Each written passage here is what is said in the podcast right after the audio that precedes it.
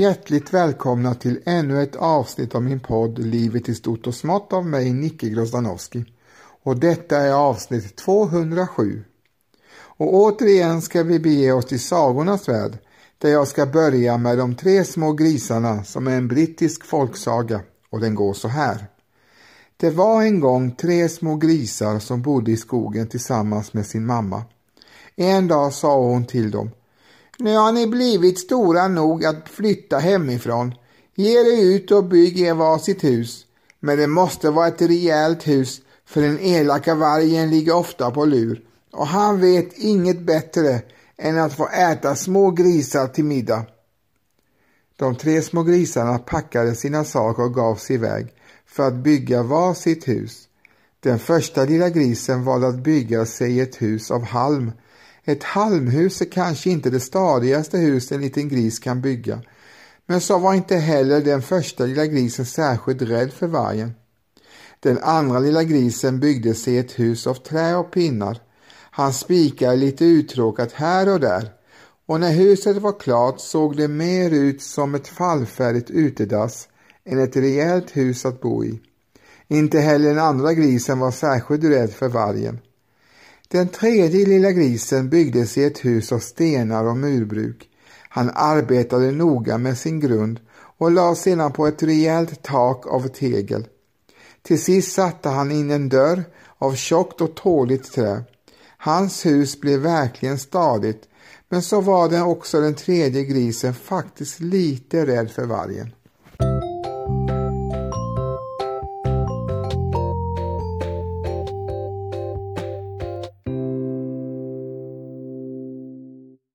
Vargen fick höra talas om att de tre små grisarna flyttat ut gick han genast dit för att äta upp dem. De tre små grisarna blev mycket, mycket rädda och skyndade sig in i sina hus. Vargen ställde sig först framför dörren till huset som var byggd av halm. Han knackade försiktigt och sa God dag på dig du lilla gris, får jag stiga in? Aldrig i livet, svarade den lilla grisen. Öppna dörren, skrek vargen. Nej, svarade lilla grisen. Då kommer du få ångra, för jag tänker blåsa så hårt på ditt lilla hus så att det rasar och sedan äta upp dig. Och vargen tog ett djupt andetag och sedan blåste han på huset så att halmen for åt alla håll. Den lilla grisen sprang för livet tills han kom till huset byggd av trä. Brodern släppte in honom och slängde sedan igen dörren rakt framför nosen på den jagande vargen. Öppna dörren, skrek vargen. Aldrig i livet, svarade den lilla grisen. Det ska du få ångra, sa vargen, för jag tänker blåsa så hårt på ditt lilla trähus så att det rasar och sedan äter jag upp er. Och vargen tog ett djupt andetag och blåste så hårt att pinnarna for som torra löv i höststormen. De två små grisarna sprang det fortast de kunde till huset som var byggt av sten. Deras bror släppte genast in dem och stängde igen dörren. När vargen kom fram var grisarna redan inomhus. Öppna dörren, skrek vargen. Aldrig i livet, svarade den lilla grisen. Då så, vrålade vargen. Då blåser jag på ditt lilla sketna stenhus tills det bara är en grushög kvar. Och sedan äter jag upp er alla tre. Och vargen blåste och blåste och blåste men ingenting hände. Det lilla stenhuset höll och innanför dörren stod de tre små grisarna och skrattade. Det ska ni få ångra. Nu klättrar jag upp på taket och tar mig ner genom skorstenen. De tre små grisarna skyndade sig att göra eld i den öppna spisen medan vargen stönade tog sig upp på taket. Väl där uppe gick han raka vägen fram till skorstenen och gjorde ett vackert dyk. Som en pil får han genom skorstenen och landar i ett hav av eld. Hjälp, hjälp, jag brinner upp, skrek vargen. Med brinnande svans klättrade han upp i skorstenen igen. Han skrek av smärta när han sprang in i skogen och försvann för alltid. De tre små grisarna skrattade hjärtligt. De tog varandra i hand och dansade av glädje. Sedan den dagen ville de tre små grisarna inte skiljas åt. De bodde tillsammans i det lilla stenhuset och hade det alltid mycket roligt. Snipp, snapp, snut Så var den här sagan slut.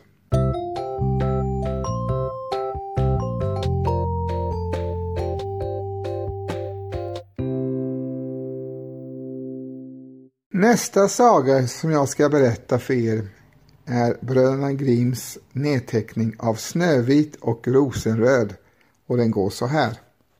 Det var en fattig änka som bodde ensam i sin lilla stuga. Framför stugan fanns en trädgård och i den stod två rosenträd. Den ena av dessa bar vita, den andra röda rosor. Och hon hade två flickebarn som liknade de båda rosenträden. Den ena hette Snövit och den andra Rosenröd. De var så goda och rara, så arbetsamma och duktiga som man någonsin kan tänka sig att två barn skulle kunna vara. Enda skillnaden var den att Snövit var en smula stillsammare och mer saktmodig än Rosenröd. Rosenröd sprang hellre omkring i skog och mark, plockade blommor och fångade fjärilar. Men Snövit satt hemma hos modern, hjälpte henne med hushållen eller läste högt för henne om det inte fanns något särskilt att göra. De båda barnen höll så mycket av varandra att de alltid gick hand i hand när de följdes ut. Och när Snövit sade vi ska aldrig överge varandra så svarade Rosenröd nej, aldrig i livet och modern tillade allt vad den ene har skall hon dela med den andra. Ofta sprang de ensamma omkring i skogen och plockade röda bär, men inte ett djur gjorde dem något ont, utan de brukade helt förtrolligt komma fram till barnen. Lilla haren tog emot kolblad ur händerna på dem. Rådjuret betade tätt intill dem. Hjorten hoppade ystert förbi och fåglarna satt kvar på grenarna och sjöng det vackraste de förmådde. De råkade aldrig ut för några olycksfall. Om de hade råkat dröja sig kvar för länge i skogen och natten överraskade dem lade de sig bredvid varandra i mossan och sov ända till morgonen. Och detta visste modern så väl och var därför aldrig orolig för deras skull.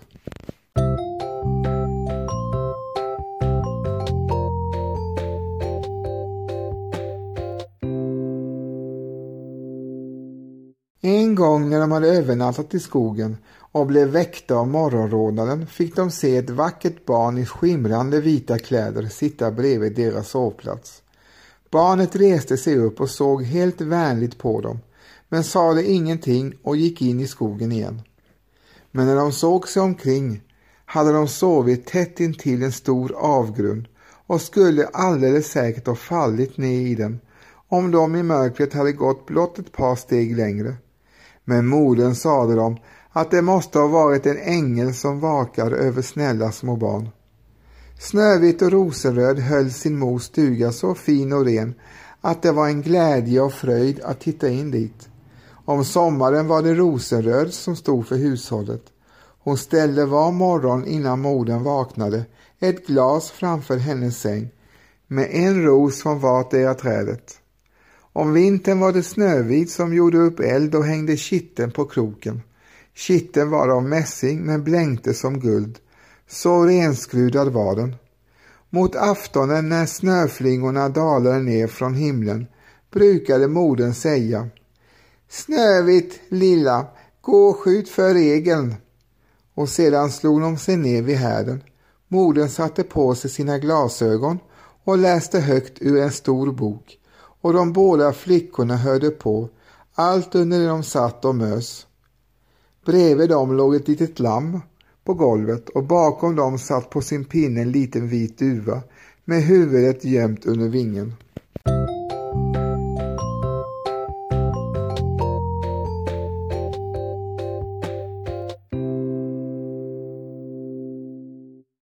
En kväll när de satt så där hemtrevligt och tillsammans knackade plötsligt på dörren som om någon velat bli insläppt.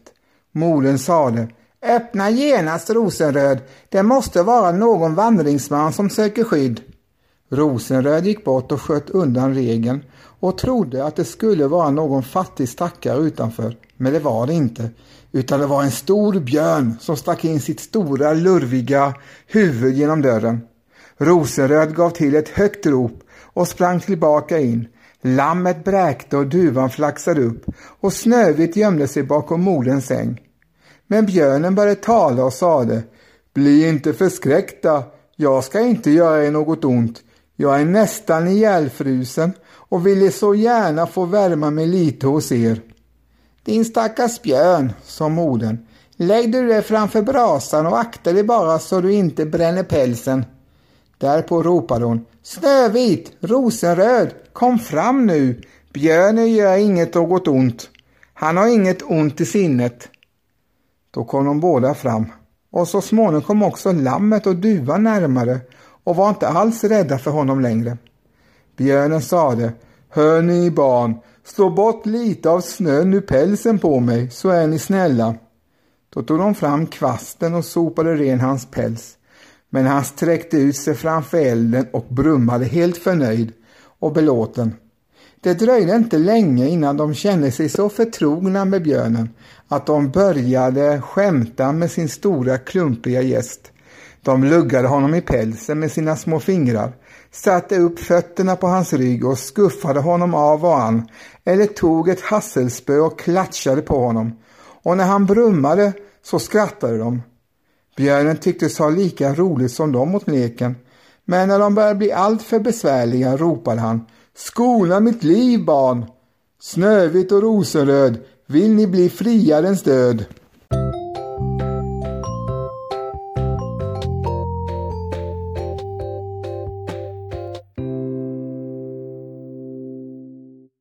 När det blev sovdags och de andra gick till säng sade modern till björnen du må i Guds namn få ligga kvar där vid härden så är du skyddad från kyla och oväder. Så snart dagen grydde släppte de båda barnen ut björnen och han travade genom snödrivorna in i skogen. Från den dagen kom björnen tillbaka varenda kväll vid samma tid, lade sig vid härden och tillät att barnen rasade och lekte med honom, hur mycket de ville och behagade.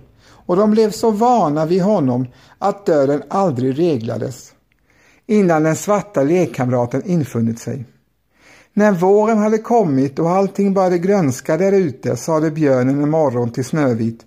Nu måste jag bort härifrån och får inte komma igen på hela sommaren. Vad ska du då ta vägen kära björn? frågade Snövit. Jag ska långt bort i skogen och vakta mina skatter för de elaka dvärgarna. Om vintern när marken är hårdfrusen måste de vackert stanna kvar nere hos sig själva och orka inte gräva sig upp. Men nu när solskenet har tinnat upp marken bryter de hål på den och stiger upp för att söka stjäla. Och vad som en gång har råkat i deras klor och burits ner i deras hålor, det kommer inte så lätt upp i dagsljuset igen. Snövit blev helt bedrövad över avskedet. När hon låste upp den smala dörren och björnen trängde sig igenom fastnade han ett tag i dörrhaken och den rev ett litet stycke av hans päls. Då föreföll det Snövit precis som om det hade skimrat av guld under skinnet. Men riktigt säker på sin sak var hon inte. Björnen lunkade hastigt iväg och hade snart försvunnit mellan trädstammarna.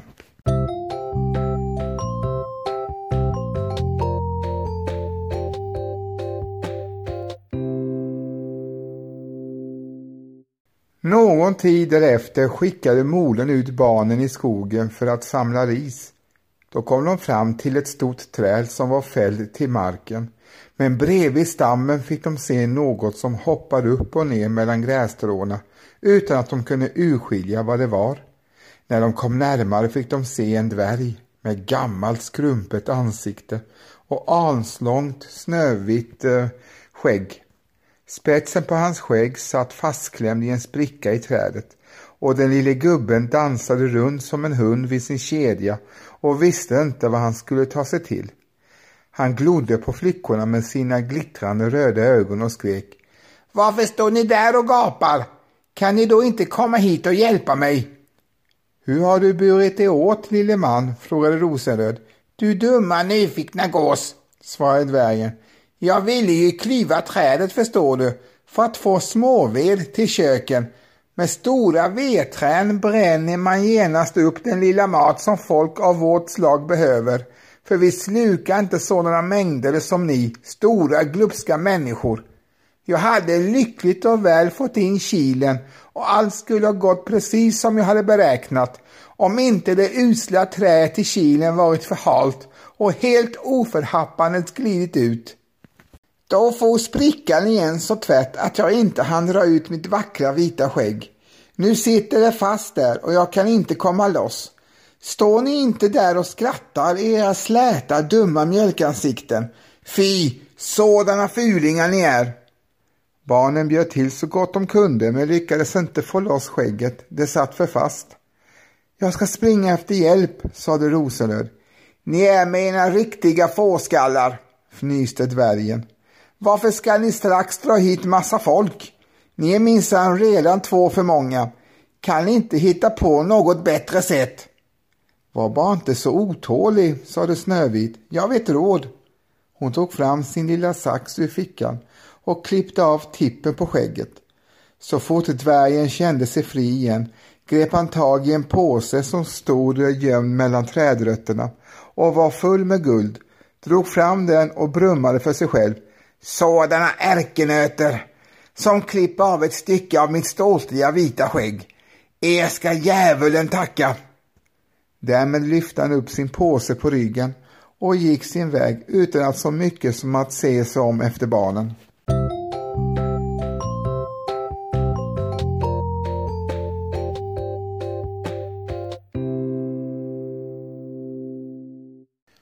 Någon tid därefter ville Snövit och Rosenröd meta lite fisk till middagsmat. När de hunnit fram i närheten av bäcken fick de se hur någonting som liknade en stor gräshoppa skuttade framåt i gräset i riktning mot vattnet, som om det ämnade hoppa i. De sprang närmare och kände då igen vargen. Vad tänker du ta vägen? frågade en Rosenröd. Du måtte väl aldrig ämma dig ner i vattnet? Så tokig är jag inte, skrek dvärgen. Kan ni då inte se att den usla fisken försöker dra ner mig? Den lille gubben hade suttit där och metat och olyckligtvis hade vinden snott ihop hans skägg med metreven och då just i samma ögonblick satt en stor fisk på kroken. Hade den lille kraken inte krafter nog att dra upp den utan fisken fick överhand och drog dvärgen allt närmare intill sig. Han grep visserligen tag i varje gräsrå och vasskolv, men det hjälpte inte. Han måste i alla fall följa varenda rörelse som fisken gjorde och var i ständig fara att dras ner i vattnet.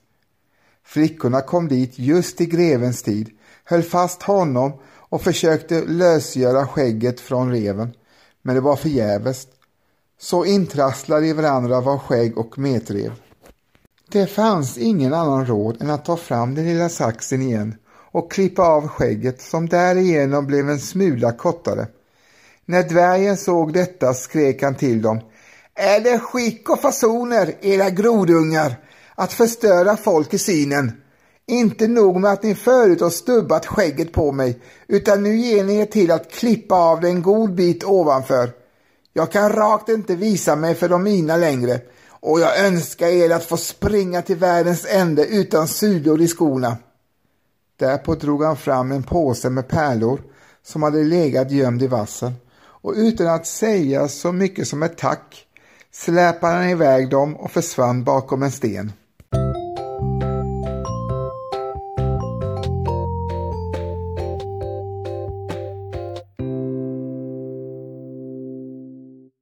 Det hände sig emellertid att modern kort därefter skickade de båda flickorna till staden för att köpa tråd och nålar, remmar och band.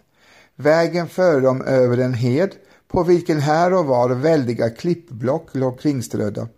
Då fick de se en stor fågel sväva omkring i luften.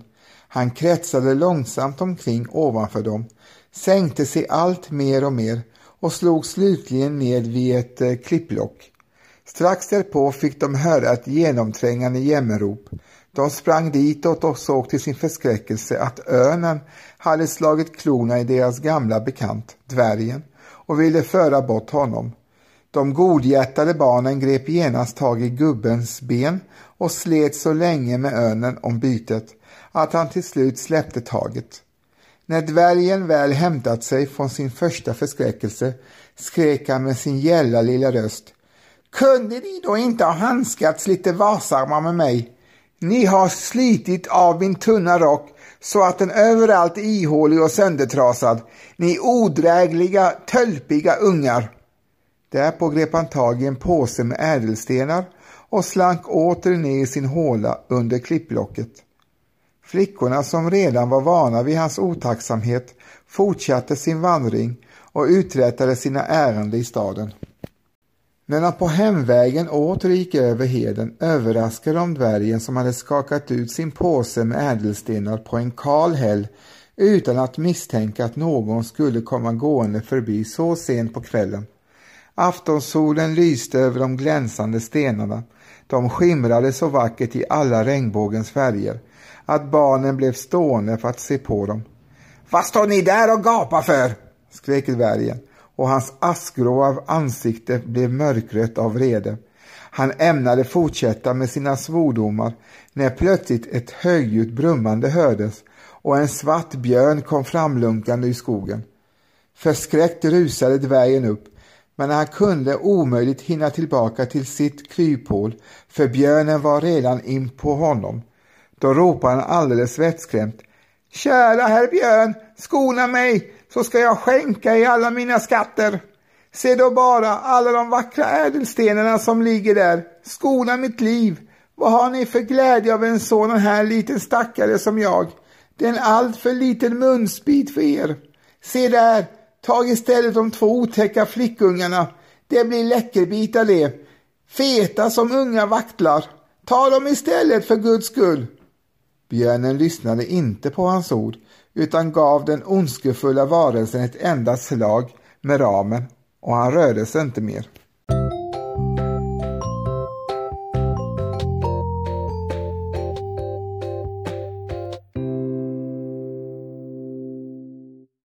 Flickorna hade sprungit sin väg, men björnen ropade efter dem.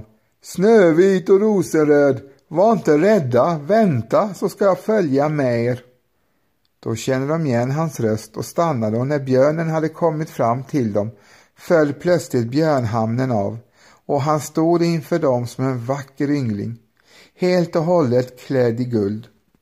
Jag är en kungason, sade han, men den där ondskefulla dvärgen som hade stulit mina skatter förtrollade mig så att jag måste löpa omkring som en vild björn i skogen ända till dess jag blev befriad genom hans död. Nu har han fått sitt välförtjänta straff. Snövit blev därpå gift med honom och Roseröd med hans bror. De delade mellan varandra de stora skatter som dvärgen hade samlat i sin håla. Den gamla modern levde ännu många år i frid och ro hos sina barn. Men de båda rosenträden tog hon med sig och de stod framför hennes fönster och bar för varje år de allra vackraste rosor, vita och röda. Snipp, snapp, snut så var den här sagan också slut.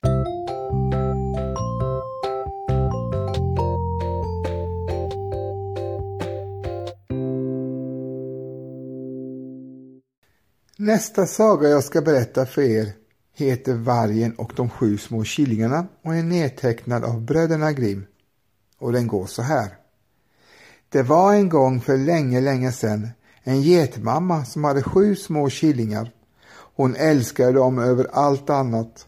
En dag skulle hon gå in i skogen för att hämta lite mat. Så hon kallade till sig alla sina sju killingar och sa Kära barn, jag måste gå till skogen. Så var nu försiktig och akta er för vargen. Om han kommer hit så slukar han er med hull och hår. Han kommer att vara utklädd men ni kommer att känna igen honom på hans mörka röst och stora gråa tassar. Killingarna svarade Kära mamma, vi kommer att klara oss bra. Du behöver inte oroa dig för oss. Då bräkte den gamla getmamman lättad och gick iväg till skogen utan att oroa sig. Det dröjde ingen lång stund innan någon knackade på killingarnas dörr och ropade Öppna dörren kära barn, er mor är här och har något gott med sig till er alla. Men de små killingarna förstod att det inte var deras mor utan att det var vargen. Det hördes på den mörka rösten. Vi kommer inte att öppna dörren, ropade killingarna. Du är inte vår mamma. Hon har en mjuk och behaglig röst. Din röst är mörk och skrovlig. Du är vargen. Vargen gick då iväg till en handlare och köpte sig en stor bit krita som han åt upp för att göra rösten ljusare. Han gick sedan tillbaka till killingarnas hus, knackade på dörren och ropade Öppna dörren kära barn, er mor är här och har något gott med sig till er alla. Men nu var det så att vargen hade råkat lägga en av sina stora gråa tassar på fönsterblecket. Det såg killingarna och de ropade. Vi kommer inte att öppna någon dörr. Vår mor har inte så stora gråa tassar som du har. Du är vargen.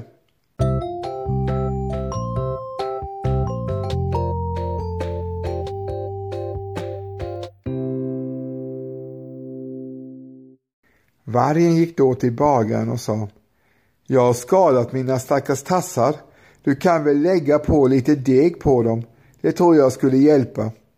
Sedan gick vargen vidare till mjölnaren och sa Strö lite vitt mjöl på mina stackars tassar är du snäll. Mjölnaren funderade för sig själv om det inte var så att vargen tänkte lura någon och vägrade därför att hjälpa honom. Då sa vargen till mjölnaren om du inte gör som jag säger kommer jag att äta upp dig. Då blev mjölnaren rädd och gjorde hans tassar vita med mjölet. För tredje gången gick nu vargen till killingarnas dörr. Han knackade och sa Öppna dörren barn! Er kära mor har kommit tillbaka från skogen och har med sig något gott till er alla. Visa först dina fötter så att vi kan se att det är vår mor, sa killingarna. Vargen visade då sina degvita tassar i fönstret och killingarna öppnade dörren. Men när de såg att det var vargen de släppt in blev de så skräckslagna och sprang för att gömma sig. En sprang under bordet, den andra hoppade ner i sängen, den tredje gömde sig i ugnen, den fjärde sprang in i köket, den femte gömde sig i ett skåp, den sjätte lade sig under tvättfatet och den sjunde gömde sig i det stora golvuret.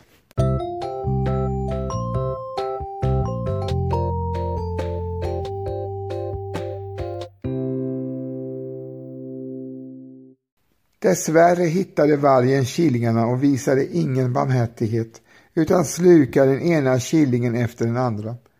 Men den yngsta killingen som gömt sig i klockan hittade vargen aldrig. Men eftersom vargen redan slukat sex killingar var han mätt och belåten.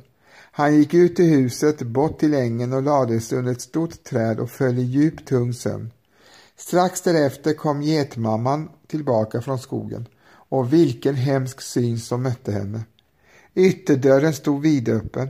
Bord, stolar och bänkar hade rivits omkull. Tvättfatet hade slagits sönder.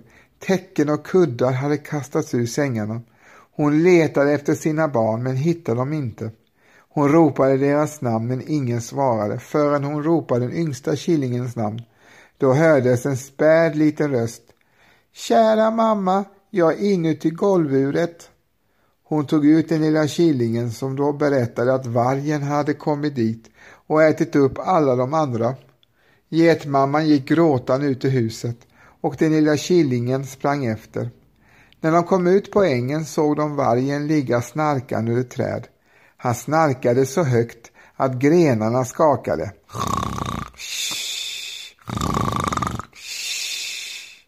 Getmamman tittade ingående på vargen och såg att det var något som rörde sig och kämpade inuti vargens mage. Åh, kära någon, sa hon, kanske mina stackars killingar som han svalde fortfarande vid liv.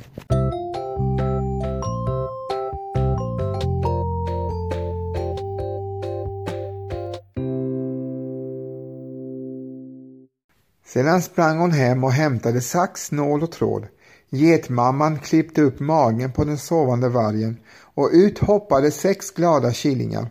De var alla fortfarande i livet och hade inte kommit till skada eftersom vargen i sin glupskhet hade svalt dem hela. De omfamnade alla sin mor och skuttade glatt omkring. Mamman sa till dem, nu ska vi tända en stor eld, för är det någon som vargen är rädd för så är det just elden. Och när vargen vaknar ska ni små killingar dansa runt elden och bräka det värsta ni kan. För är det något som skrämmer vargen mer än eld så är det en påhälsning från de döda. Och medan getmamman sydde ihop den sovande vargen så hämtade killingarna ved till brasan.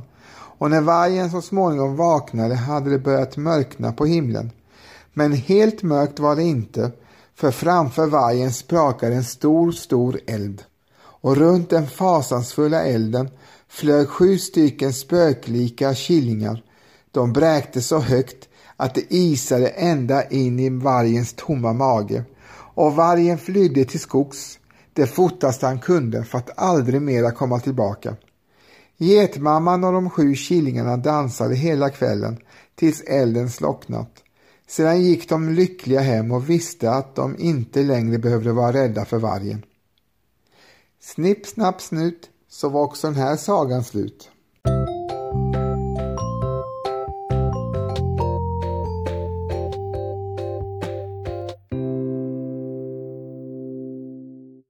Den fjärde och sista sagan jag ska berätta för er i detta avsnitt är en afrikansk folksaga och vi ska fortsätta på djurtemat för den heter Spindeln och sköldpaddan och den går så här.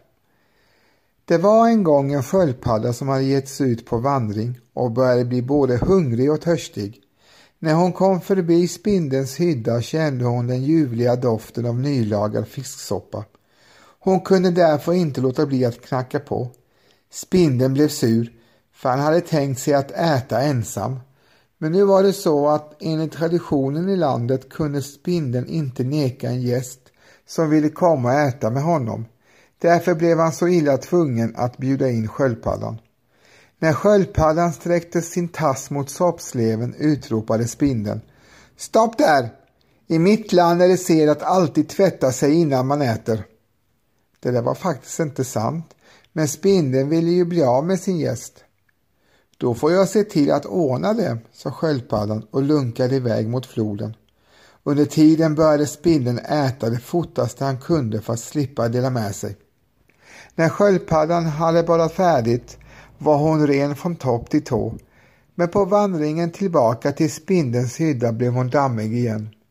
Stopp där, sa spindeln. Du är ju fortfarande smutsig. Ja, jag blev ju dammig på vägen tillbaka, suckade sköldpaddan. Det här duger inte, menade spindeln. Du får gå och tvätta dig igen. Så sköldpaddan lunkade åter iväg till floden medan spindeln vräkte i sig sin middag. När sköldpaddan kom tillbaka var maten slut. Det var det bästa jag ätit på bra länge, skrockade spindeln. Jaha, jaha, då får man tacka för gästfriheten, sa sköldpaddan och gick vidare.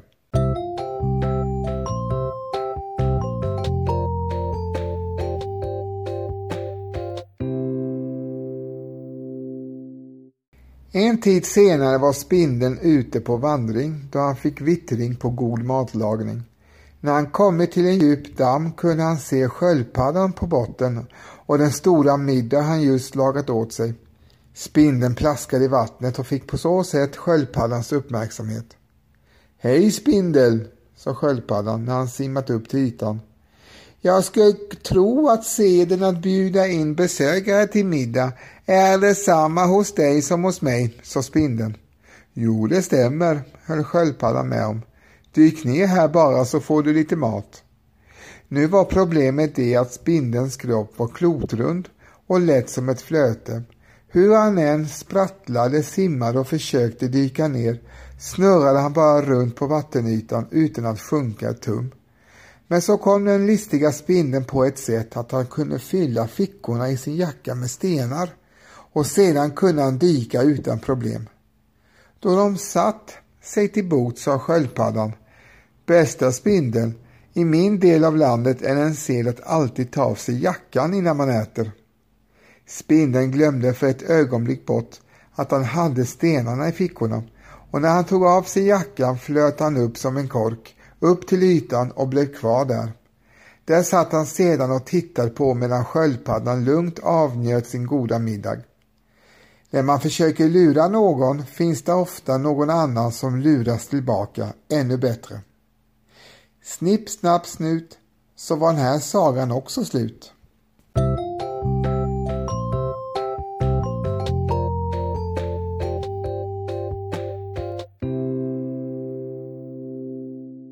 Ja, då har ni fått höra fyra sagor med djurtema i detta avsnitt, nämligen de tre små grisarna, Snövit och Rosenröd, Vargen och Killingarna och så slutligen Spindeln och Sköldpaddan. Tre olika sagor som är jättebra som underhållning men även har en liten sensmoral som man kan fundera på. Och jag hoppas att eh, ni har uppskattat avsnittet lika mycket som jag. Min podd utkommer i regel två gånger i veckan men på senare tid har det endast blivit en gång i veckan på grund av tidsbrist. Och då i regel på helgerna kommer den ut. Och eh, så kommer det att bli nog ett tag framöver i alla fall. Jag hinner inte mer än att göra en podd i veckan. I avsnittets början så fick ni höra Carl Michael Bellman och hans Fjäril vingar syns på Haga även kallad för Fredmans sång nummer 64 och som avslutning får ni höra gruppen Gotthard med Par Deus. Och så vill jag slutligen tacka dig som har lyssnat på avsnittet och hälsa dig hjärtligt välkommen till kommande släppta avsnitt. Och medan du väntar på dem så kan du botanisera i mina tidigare släppta avsnitt. Och prenumerera gärna på min podd i de streamingtjänster som podden finns för att inte missa kommande avsnitt. Tack än en gång för att ni lyssnade på återhörande och var rädda om er. Hej då!